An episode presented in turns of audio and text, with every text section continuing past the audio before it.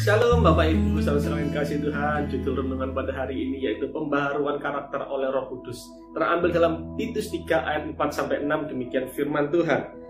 Tetapi ketika nyata kemurahan Allah Juru selamat kita dan kasihnya kepada manusia Pada waktu itu dia telah menyelamatkan kita Bukan karena perbuatan baik yang telah kita lakukan Tetapi karena rahmatnya oleh permandian kelahiran kembali Dan oleh pembaharuan yang dikerjakan oleh roh kudus yang sudah dilimpahkannya kepada kita oleh Yesus Kristus Juru Selamat kita.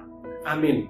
Bapak Ibu saudara sekalian dikasih Tuhan, salah satu tujuan Roh Kudus hadir dalam hidup kita sebagai orang percaya yaitu untuk memperbaharui karakter orang percaya sehingga menjadi semakin serupa seperti Kristus. Pembaharuan itu bukanlah sebuah modifikasi perilaku yang dilakukan karena kekuatan manusia, tetapi perubahan karakter yang berasal dari dalam diri seseorang dan dikerjakan oleh Roh Kudus. Nah, ini kembali lagi tergantung dari kita sepenuhnya. Kalau kita mau sungguh-sungguh, maka Roh Kudus akan sanggup untuk mendidik, mengubahkan, menolong kita sampai kita menjadi seperti Kristus. Roh Kudus adalah Allah yang Maha Kuasa. Dia sanggup, tidak ada yang mustahil baginya, asal kita sungguh-sungguh, termasuk mau menyangkal diri dan taat sepenuhnya.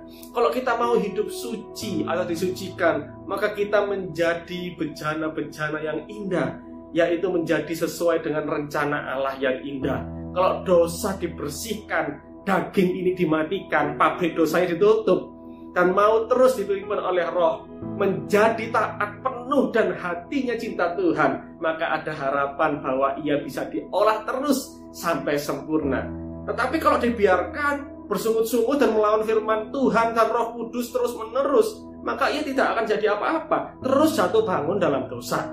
Bisa-bisa keselamatannya hilang sebab dosa itu menguasainya dan tumbuh terus semakin meningkat tidak bisa dikontrol dan rohaninya menjadi rusak oleh karena itu, sangat penting untuk terus memelihara kondisi rohani kita tetap suci, menjadi kekasih Kristus, dan terus taat melakukan semua kehendak Tuhan.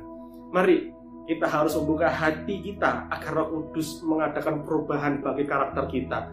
Kita miliki hati yang lembut, yang mau untuk dibentuk.